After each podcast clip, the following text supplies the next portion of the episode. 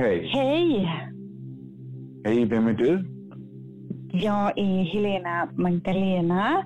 Jag är författare, föreläsare, profil på tidningen Nära, astrolog, medium bland annat. Och vem är du? Jag är Benny Rosenqvist, en levande legend. Nej, jag skojar. är sant. ja, det för min tid. Nej, men...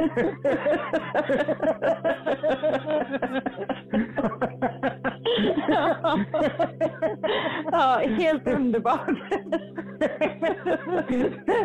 ja, det är jag ju också faktiskt. Och sen så är jag faktiskt medium som du och så är jag författare, skribent, föreläsare och livsresenär. För det är vi både. Vi reser runt i världen och det är därför vi har den här podden eh, Inre och yttre resor. Och sen är jag också skribent på tidningen Nära som jag älskar lika mycket som du. Och sen så eh, är jag ju glad att jag är medial. Är inte du det också? Ja, verkligen. Mm. Ja, det är gåvor. Alltså det är verkligen gåvor att kunna använda sig så av eh, sina mediala förmågor i, genom hela livet. Alltså det genomsyrar ju varenda minut i ens liv, tycker jag. Mm. Det blir ju livsstil, tycker jag, mm. på ett sätt. Alltså därför det är bra som du säger, gåvor. För någonstans ja. är det ju att man, det är ett kall också på något sätt. Att man kan inte, har man gått på det så är det precis som man måste fortsätta utvecklas på den banan. Mm. Och det känns liksom som hela livet är som en livsutveckling. Och det är så fantastiskt med möten med er lyssnare och sittningsklämpor och när man har föreläsningar och som nu på Expo som jag var alla människor som är så kärleksfulla. För man möter, och sen framförallt alla svårigheter ni går igenom så jag slipper göra det själv. För jag lär mm. mig så mycket av er för att vi har ju egentligen eh, turbo i vår utveckling tack vare mötena med er människor. Så vi får ju mycket mer insikter om vad ni gör, inte, jag vill inte säga misstag, men era svårigheter ni går igenom och hur vi utvecklas utav det. Tycker du inte det också? Mm. Det är verkligen så. Och eh, det här att, eh, att möta människor eh, ifrån så många olika delar av samhället, i så många olika åldrar, eh, från olika kulturer, Alltså det finns ju inte så här traditionellt att det är vi som går till ett medium, utan det är ju en sån mångfald av mötena som man gör med sina klienter och det tycker jag är helt fantastiskt. Mm, tycker jag också. För jag känner att om mötena är så viktiga och varje människa är unik. Behoven är lika men mötena är unika tycker jag. För någonstans var gång så är det ett växande alltså. Och eh, det är så eh, intressant att vi är så olika vår livsöde. Vissa människor har ju hur mycket som helst med sig i bagaget och är, ser inte något problem med det. Och vissa har knappt någon problem och ändå tycker de allting är jättejobbigt. Och det, då är de ju i en sån resa att se det lilla och göra stort av det. Och det kan vara mm. jättejobbigt i sig. Det är ju det är liksom deras resa ju. Och det kan man ju liksom inte förminska den smärtan de går igenom. Och vissa har jättemycket smärta i allt och ser inte det som smärta utan är tacksamma och jätteglada för allt de är med om ändå. Ja, ja men verkligen visst är det så. Och sen människor som kommer till oss mediala på vägledning är ju människor som är andliga. Eh, som är öppna och som är nyfikna. Och det tycker jag också är, genomsyrar våra möten tillsammans med andra människor. Att vi på något sätt vi har en, en tro på någonting som är större än oss själva och de här olika dimensionerna och så här. Eh, medan jag kan uppleva i andra sammanhang ibland när jag möter människor som inte alls har den här öppenheten och och så här, de är mer stängda och skeptiska och tvivlar. Men de som kommer till oss vill ju, vill ju tro och vill uppleva och vill få budskap givetvis och vill vara andliga helt enkelt. Mm, absolut. Mm. Och det är ju någonstans andligheten som gör att vi blir så samspelta på något sätt. Men det är roligt också när man får någon som inte är andlig. Till exempel jag hade ett gäng tjejer som hade en manlig chef. Och alla var tjejer utom chefen. Och de han gick ju till mig och han, ha, han skrattade åt dem liksom. Så de har lagt ihop till en sittning och han blev hitskickad. Och han mm. var panikslagen. Han var så rädd. Och han tyckte det var så hemskt. Och sen när han gick härifrån så sa han, varför har jag inte gjort detta innan? Så fantastiskt det var, så bekräftande, så underbart. Nu förstår jag mina tjejer, sa han. Och han tyckte det var så magiskt när han berättade att han, och han har kommit till mig flera gånger efteråt. Så vissa killar blev hitsläpade av sina kvinnor kan man säga. Ja, ja och det är jätteintressant. Vad, vad fint att du delar med dig av det. Eh, mm. För så kan det ju vara ibland. Att att man blir skickad lite till oss och kan vara väldigt skeptisk och rädd mm. ofta då och tycker det känns läskigt och så här. Men vi eftersträvar ju det att, att ge vägledning och att guida och ge en klarare bild på saker och ting och att människor ska må, ska må bra och bättre och få en större förståelse när de, när de lämnar oss. Liksom. Så det är ju värdefullt för, för alla på något vis med dem. Jag hade till exempel två män som kom till mig som också blev hitskickade. Deras kvinnor bodde någonstans i mellersta Skåne. Och de kom till mig en gång om året och de trodde inte på det sa de. Och så, men var gång så frågade de ändå, vad sa han om mig? Vad sa han om mig? Mm. Vad sa han om mig? De ville ändå veta vad de hade sagt om dem så att säga. Så, så nu får ni faktiskt gå själv. Så de betalade för det. Men så hade de hört hur de gjorde. Då gick de först efter sallad på på ett stort varuhus här i Malmö som heter då NK. Så det är många, många år sedan.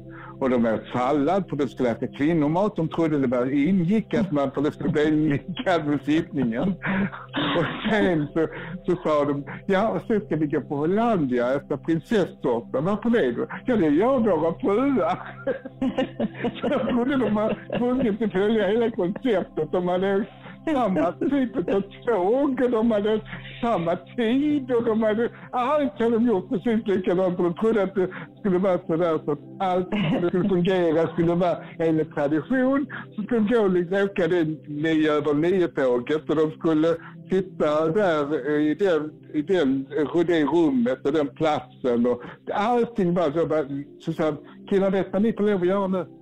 Vi får lov att dricka öl nu efteråt. Tåg! Påverkar inte. Ingenting. Åh, vad kul sa de. Så skulle Gud vad kul. Skulle göra ett stek och de skulle dricka öl sen efter. De skulle vara grabbar efteråt också. Gud vad roligt. Ja. ja, tur de inte kom i i såna här ehm, förväntan av att de var tvungna att vara feminina för att komma då. Ja, verkligen. Målat läpparna. ja, precis. Det måste vara precis som våra fruar. Ja, men vad spännande. Nej, men jag vet också att jag har haft klienter där, där flickvännen har krävt att nu får du gå och lyssna. För det är som du säger, det finns en nyfikenhet. Och vad, sa, vad sa hon om mig? Vad sa hon? Och sådär. Mm. Och jag har ju själv gjort så mot min man. Eh, jag brukar ju prata emellanåt med ett medium uppe i Norrland och till slut så säger han, men nu får du ringa. Nu får du ta en kontakt där nu. Ja, ah, fast det vågar jag inte, det är ju lite läskigt och vad ska hon veta och inte veta och sådär. Men det är ju bara att pusha på lite och, och mm. trycka på där att nu får du lyssna själv liksom. Mm, mm, mm. Ja. ja. Och, ja. Men det var som jag min mamma, hon hade ju också svårt att hitta de här världarna att jag var gay.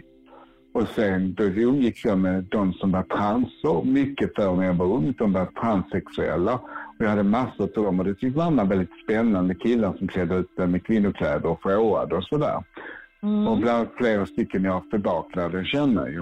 Och sen så hade jag då ett kompis som var transmedium. Och då fick mamma inte ihop det här liksom att han var transmedium. Så sa hon, målar han läpparna då när han går in på scenen? Så, fick ihop att, så hon fick inte ihop det där med trans och trans förstår du. För det var, när ett transmedium han är ju fantastisk. Eh, Christian Seyer som jag kände som är dansk medium och han var ju, det var ju spännande faktiskt att få se in hur han jobbar som medium. Och han hade ju ofta sin mamma med som satt och kollade så inte någon obehörig kom in. Mm. För det fanns visste inte vem som kom till honom så att säga. Har du provat att vara trans någon gång? Ja, jag har gjort det eh, några gånger. Eh, och jag upplever att jag får ofta väldigt ont i kroppen. Eh, jag har fått det här riktigt, riktigt ont i kroppen och sen så jag har liksom blivit lite bortkopplad och så kommit och pratat lite med en annorlunda röst och, och så här. Kommer inte riktigt ihåg heller vad jag säger. Så jag har provat några gånger för att jag tyckte att det, det vill jag ändå veta och ha någon sorts erfarenhet av, men det passade inte mig så bra, kände jag. Mm, mm. Har du provat det nu? En gång ofrivilligt och det är faktiskt lite spännande för det var, jag hade en pojkvän då, Johan, och eh, vi sov tillsammans och plötsligt gick en präst som bodde, hade varit präst där de hade byggt kyrkan, där de byggt mitt nya hus. Och han gick in i mig och han var väldigt otäck. Mm. Så min, min dåvarande pojkvän han blev rent förskräckt av att jag pratade som en annan man. Och han mm. var förmanande och tyckte det var hemskt att han var gay och skällde ut honom och allting. Så det var inte alls jag. Liksom. Mm.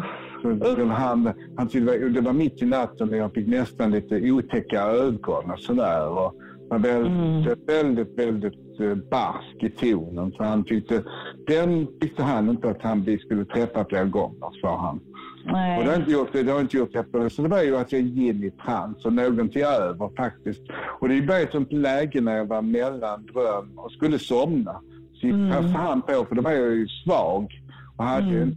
Sen har jag gjort det själv att jag har testat någon gång och det passar inte mig för jag är alldeles för nyfiken. Jag, mm. när jag, jag tycker om att kanalisera andevärlden. Jag tycker om att prata med andevärlden och se vad jag gör. För jag vill ha kontroll, tycker jag när jag ja. Ja, jag håller med dig. Jag håller verkligen med dig. För även är det ju så, upplever jag i alla fall, när jag har vägledningar och jag kanaliserar, det går ofta väldigt snabbt. Jag pratar ofta, jag säger ofta väldigt mycket på ganska kort tid och sådär. Eh, och sen när jag går ur kanalen, där släpper jag ju då så att jag inte minns precis vad jag har sagt till varje människa. Jag minns oftast känslan och temat och sådär. Men jag vill också vara närvarande i varje sekund på sittningen om man säger. Mm, mm. Eh, och jag gillar den här eh, energin när man kanaliserar. Det här eh, när man liksom börjar jobba då, första klienten kommer, eller jag jobbar mycket via telefon med. Och så är det som en sån här jättehärlig energiboost och så bara... Alltså jag älskar verkligen det flödet som finns i kanalisering och det kände jag inte alls i trans. Det, det var tungt, det gjorde ont i kroppen, det var trögt. Eh, nej, det är, ingenting, det är ingenting för mig. Nej, jag tycker om att utvecklas också. För det är det, när man är, som du säger, kanalisering så är det ju utveckling. För det känns ju som man får mycket aha-upplevelser. Var dag är en aha-upplevelse. Och närvaron gör att man lär sig eller man kanske blir påminn om någonting som man själv har glömt. Aha, så är det ju. Det, så kan man också tänka i olika mm. saker som människor går igenom. Hur de klarar en separation och det ser man då hur de har gått igenom saker och ting och de har fixat det. Det är ju nyttigt att lära sig av dem tycker jag. Mm. Mm. Ja, verkligen. För jag kan ofta känna det just det, eh, när, man, när jag kanaliserar det kommer den här liksom snabba energin. Du, du, du, och det är så självklart. Och många gånger så, så reflekterar jag att åh vad bra ifall någon hade talat om det här för mig eller om någon hade sagt så här till mig. Mm. För jag kan inte kanalisera på det snabba sättet till mig själv. Jag kanaliserar till mig själv ofta via kanaliserad skrift. Men just i mötet med klienter, det är, som, det är så självklart på något vis. Det är sån upplyfthet och det är så, ehm, vad ska man säga, det blir en sån klarhet i saker och ting. Eh, och den energin som kommer med det tycker jag är, den är så livgivande och det är många också som säger då, som har varit på sittningar och sådär, att jag gick ifrån det, jag hade fått en förnyad energi och jag hade fått ny energi och jag kände mig kraftfull och plötsligt kunde jag se saker och ting ur ett annat perspektiv och äntligen så kunde jag se ljuset framåt för nu har det varit tufft ett tag och sådär. Så, ja, det här att gå, gå med lätthet i stegen liksom och en ny energi. Det tycker jag är så fint att kunna ge det till människor. Jag tycker min applåd är leendet man får efter när de ser att de har börjat leva igen. Ja. Och det tycker jag är magiskt, att man får människor att tro på livet, få tillbaka tron på sig själv. Det är magiskt tycker jag. Mm. Och det är min applåd tycker jag, det är leendet efter. Det är, tycker jag, eller lugnet de får, nervositeten när de kommer och lugnet som sprider sig och, och närvaron i sin egen insikt. Är så viktigt tycker jag också att de får efter en sittning. Mm, ja, verkligen. Mm. Ja. Men, det, men kan du utvecklas? Jag tycker det är svårt att känna på mig själv, som du själv var inne på. Jag kan ta till mig intuitivt, men jag har svårare på mediala budskap själv. Jag får ibland, när det ska igenom, att de mejlar mig och då är det väldigt konkret. Men det, jag tycker det är svårt. Jag tycker det är väldigt lättare att vara i flödet på någon annan än på mig själv, tycker jag faktiskt. Har du svårt mm. för det också? Ja, absolut. Eh, verkligen. Alltså det är en helt annan grej. Sen, det är ju i meditationen då som jag kan ställa frågor upp. Men då är det ofta, ibland får jag ju väldigt snabba insikter. Så här ska jag göra. Eh, mm. Men jag tycker nog ofta att jag, det kan ta liksom kanske ett par dagar och sen börjar insikterna komma. Eller att synkroniciteten gör att saker och ting börjar hända i mitt liv. Och jag börjar förstå att okej, okay, det är det här som är svaret på det jag frågade efter. Men det är mycket, mycket svårare att få till sig själv än att få till andra, tycker jag. Det är det, absolut. Det är som att vi har filter eh, och jag är jättetacksam för det, det här filtret. Liksom. För tänk så lätt vi ser när vi gör vägledningar. Eh, när, som när jag har en kund som kommer till mig och så läser jag av energin och jag ser jättemycket av det som finns runt omkring och jag blickar mot framtiden och jag ser och sådär. Mm. Eh, jag tror det hade varit väldigt hindrande i mitt eget liv om jag hade fått så mycket till mig själv. För då hade jag ju hela tiden på något sätt haft något facit också. Men jag hade nog mer facit för mig och bett om att inte få det. Att jag kan vara mer nyfiken när jag var yngre och se. Och då tog, så blev jag så ledsen när jag såg att jag var inne i en relation att den skulle hålla. Liksom, när man mm. var förälskad. Att jag bad nästan att inte få lov att få det där filtret istället för att verkligen få leva ett liv som andra. Men eh, mm. bli vana när det är någonting som inte stämmer, där någon luras eller någon som gör en illa. Så att säga. Det har också blivit ändå. Mm. Så att mm. filtret har gått av när det verkligen har behövts bli varnad mm. för människor som inte är så trevliga. Mm. Ja. ja, jag upplever för min del att det går som i, lite i perioder. Nu har jag haft en period på två, tre veckor. Jag har haft mycket samdrömmar igen. Eh, det hade jag mycket när jag var barn och jag har haft mycket samdrömmar. Jag har haft mycket symboliska drömmar. Eh, jag har fått syner, jag har fått varsel, väldigt mycket varsel. Mm. Eh, så jag känner att jag är väldigt uppkopplad just nu. Och mm. Det brukar vara som så att det är när jag själv går igenom någon sorts transformation, när det är en starkare utveckling för mig själv, då kommer, då kommer det här mycket tydligare till mig. Och då, då blir jag också mer medveten om att se tecknen från universum och skriver gärna ner det som kommer till mig. Eh, och jag har haft varsel sedan Ja, det började redan när jag var i Grekland, så det är ju ett par månader. Där började jag få varsel. Mm. Eh, och, och kunnat se då också kopplat till mycket av det som sker i världen. Jag har kunnat förstå de här varslen sen. Mm. Mm. mm. mm. Jag också. Jag har sett mycket som är på gång i världen. Och uttrycker det väldigt konkret, men jag har fått det mer i baketillstånd och mm. sett uh, inre bilder som varit otrevliga om krig och om, om tråkigheter och pengar och gråtande människor och förtvivlan. Men sen har jag börjat se hoppfullt att det börjar börja se ett ljus nu som kommer också som ett varsel av att det börjar vända. Mm. Att vi är redan i en vändning. Alltså, det, det mörkaste har börjat att försvinna redan för mig. Att jag börjar se ett ljus i tunneln på något sätt. I det här mörka som har varit. Att, att, eh, och det, det har ju alltid ett syfte, även det mörkaste. Det är så svårt att säga men på något sätt är det en eh, världstransformation vi har nu. Och jag förstår mm. att du och jag som medium, att vi, vi påverkas av, för man är ju öppen för att ta in andras smärtor. Det, det är ju jobbigt på det sättet att vara känslig och se människors lidande. För det är ju precis som det finns ett sorl av människors oro över hela världen just nu. Och det känns liksom som ett, en hinna som inte lyfter riktigt utan som är tung på något sätt. Mm, ja. Mm. ja, och jag upplever också att många klienter pratar om det eller känner av det här. Och även mm. liksom på Facebook, sociala medier och sådär.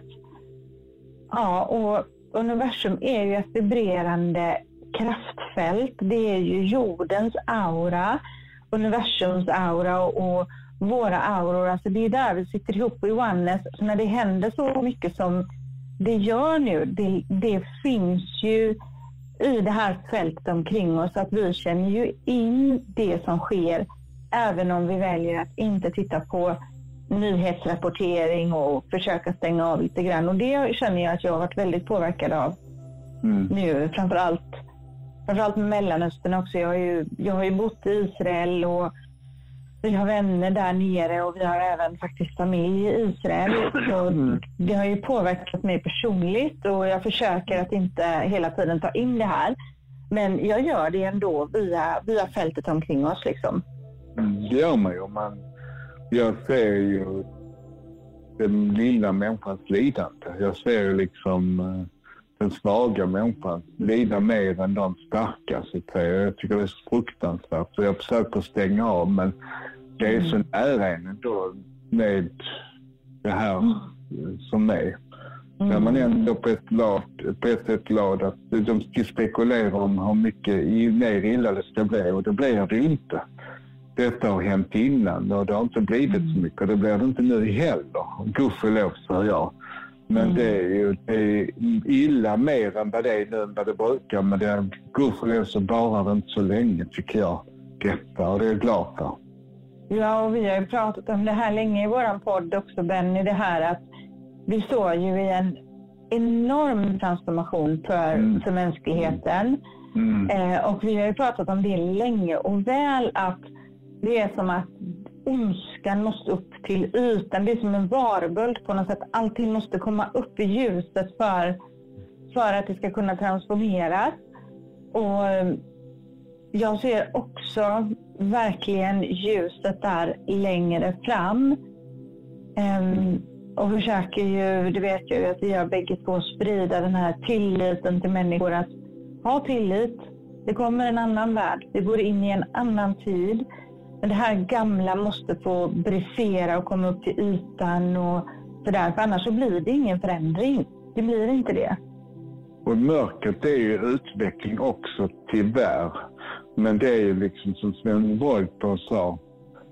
En, en stjärna lyser inte om det inte finns mörker.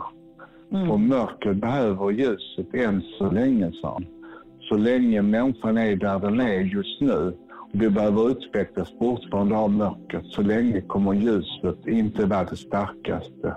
Men ändå, någonstans så segrar alltid stjärnan. Mm, vackert.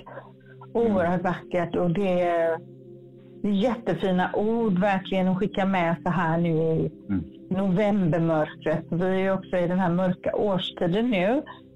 Eh, och eh, vi behöver ljus nu, vi behöver hopp och vi behöver alla också vara ljusbärare. Vi behöver tro på att, allting ska bli gott och fint och fridfullt och fred. Eh, och så här och sprida det till varandra. Det, här, det handlar inte bara om att vara glad och positiv, liksom, om det löser sig, för det är ju inte det.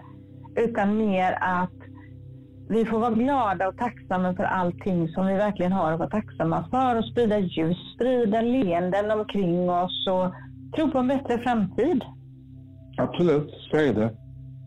Nu fick jag det här Love, Peace and Understanding. Alltså det är ju, det är ju Vattumannens tidsålder också som vi verkligen har gått in i nu. Det är, det är människorna själva som vill ha makten nu. Vi går ju mot jättestora revolutioner. Det är ju egentligen helt fantastiskt. Det är det. Och det är frihetens tid också nu, mänsklighetens tid. Mm, det är det. Mm. Det är det och jag har också den här känslan väldigt starkt att det här kommer att ändras väldigt snabbt. Redan nästa år så känns det som att det är mycket mer ljus och hopp redan där liksom. Det känner jag. Mm. känner jag också.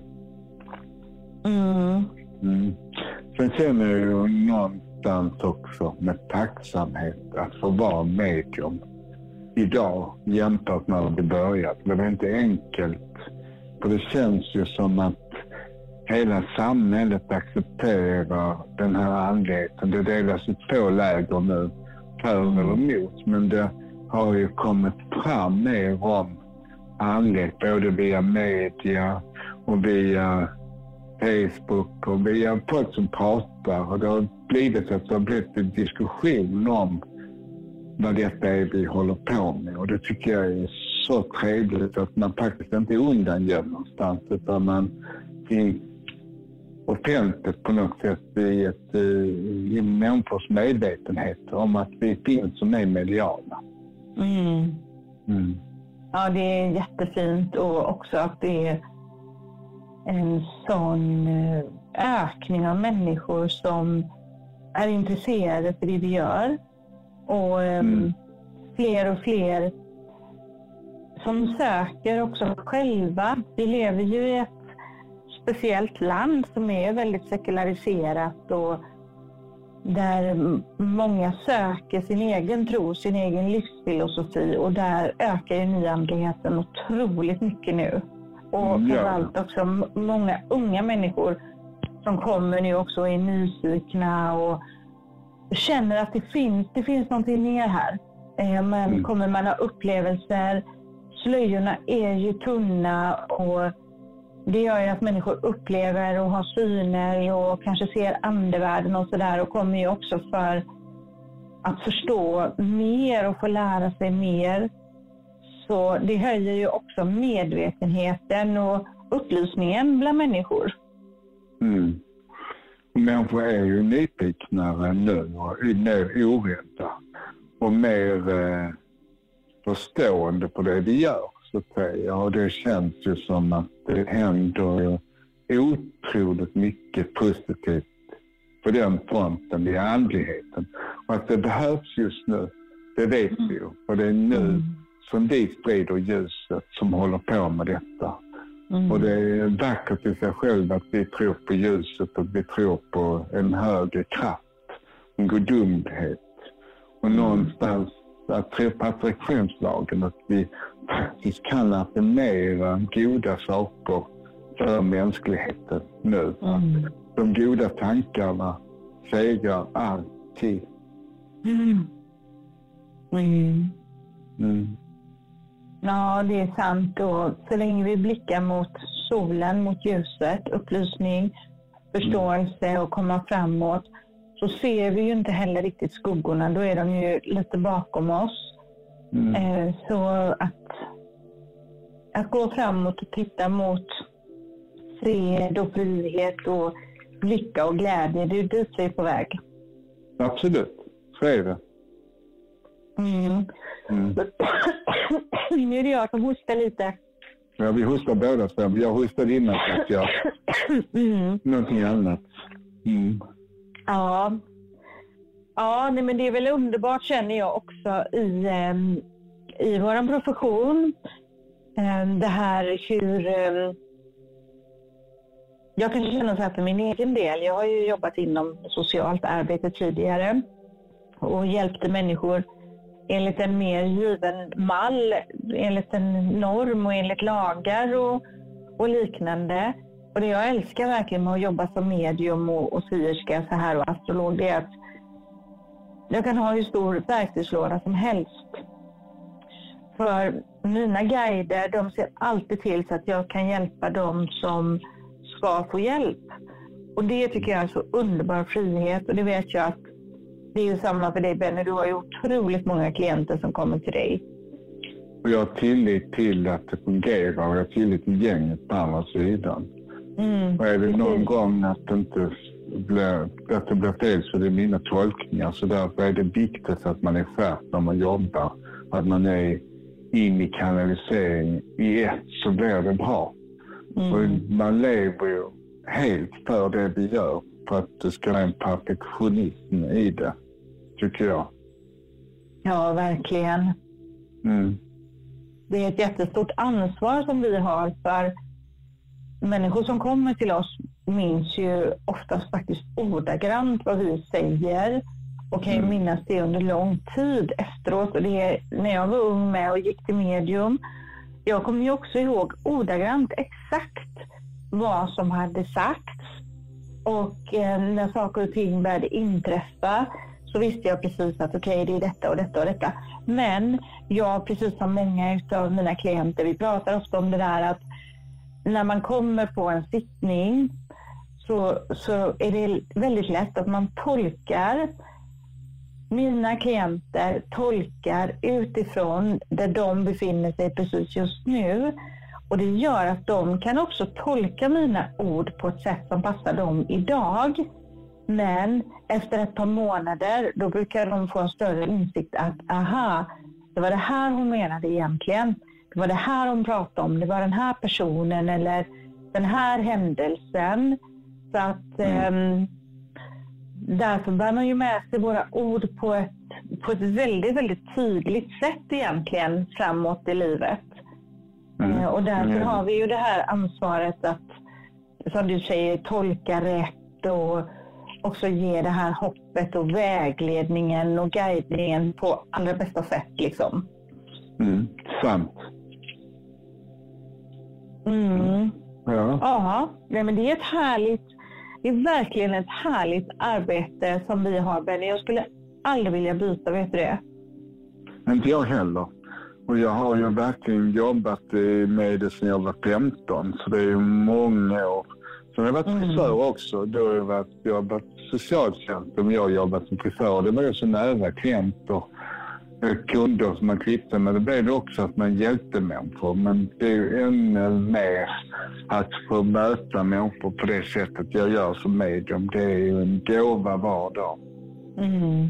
Ja. Det är det, det jag kan säga någonting, om man ska säga något negativt så är det att man märker inte från efteråt så mycket man har gett. Alltså när jag är i det så är jag så inspirerad. Det känns inte så, som, det känns som man har hur mycket energi som helst.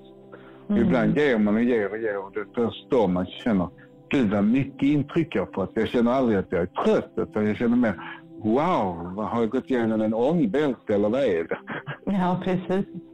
Ja, det är sant. Det är sant. Ja. Vi präglas ju i varje, i varje möte. Jag har ju inte lika många klienter på rad så som du har. Mm. Men jag kan också bli väldigt påverkad av att ha fem, sex sittningar liksom på en dag då.